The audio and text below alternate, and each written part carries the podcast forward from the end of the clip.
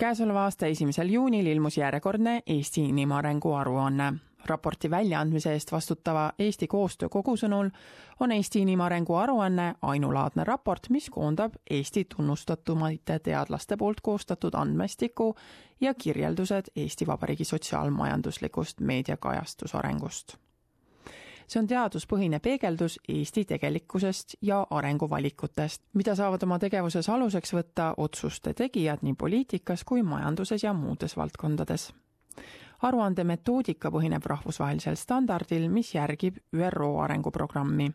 võttes arvesse paljusid näitajaid, reastatakse igal aastal maailma riigid inimarengu indeksi alusel, mis aitab võrrelda inimeste reaalset elukvaliteeti erinevates riikides viimastel aastatel on Eesti üleilmses inimarengu pingereas paiknenud kolmanda kümnendi alguses.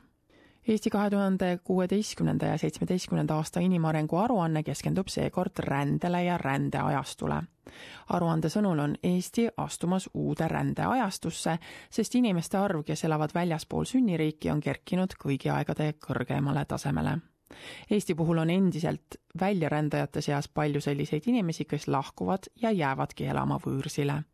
üha enam aga on ka neid, kes vaid mõnda aega elavad, töötavad või õpivad mujal ja rändavad siis edasi järgmisse riiki või naasevad sünniriiki.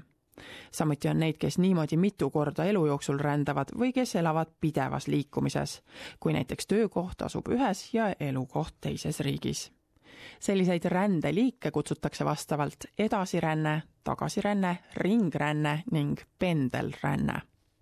kuigi rände olemus on muutunud ja selle põhjused ning vormid on mitmekesisemad kui kunagi varem, on rändel üks tunnusjoon, see on tõmme heaolu poole.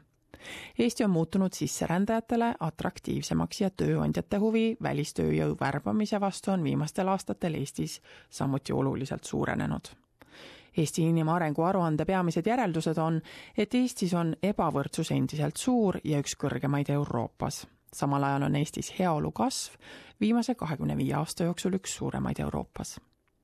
leitakse, et Eestis toimub rändepööre, asjaolu, et mitte kõik Eesti inimesed, eriti ääremaa elanikud ja lihtsamate tööde tegijad, ei saa küllaldaselt osa heaolu kasvust, põhjustab endiselt väljarännet Soome ja teistesse Euroopa Liidu riikidesse heaolu kasvades aga on suurenenud ka sisseränne, eriti väljaspoolt Euroopa Liitu.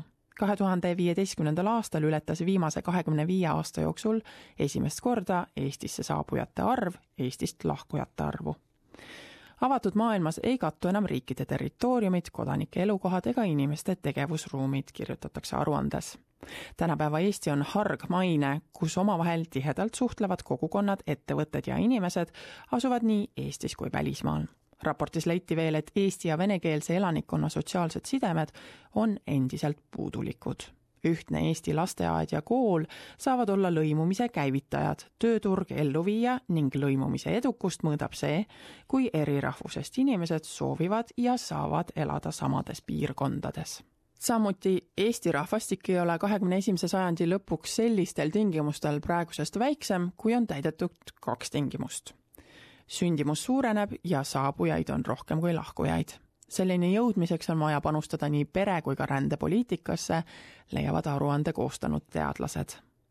Eesti valitsuste peamine väljakutse on panustada inimvara arengusse Eestil on vaja välja töötada oma rände- ja inimvara strateegia. see ei puuduta üksnes inimesi, vaid ka ettevõtteid. Eesti rahva püsimisele aitab kaasa see, kui Eesti ettevõtted on tugevad, lülitunud üleilmsetesse tarneahelatesse ja pakuvad tarku töökohti riigi roll on pakkuda ettevõtetele tuge ja juhtida muutusi. selleks on tarvis läbimõeldud innovatsioonisüsteemi, mis alates lasteaiast aitab kaasa loovuse arengule, mitmekesise keelelis-kultuurilise pagasi tekkele ja digiajastule vajaliku tehnoloogilise oskuse omandamisele.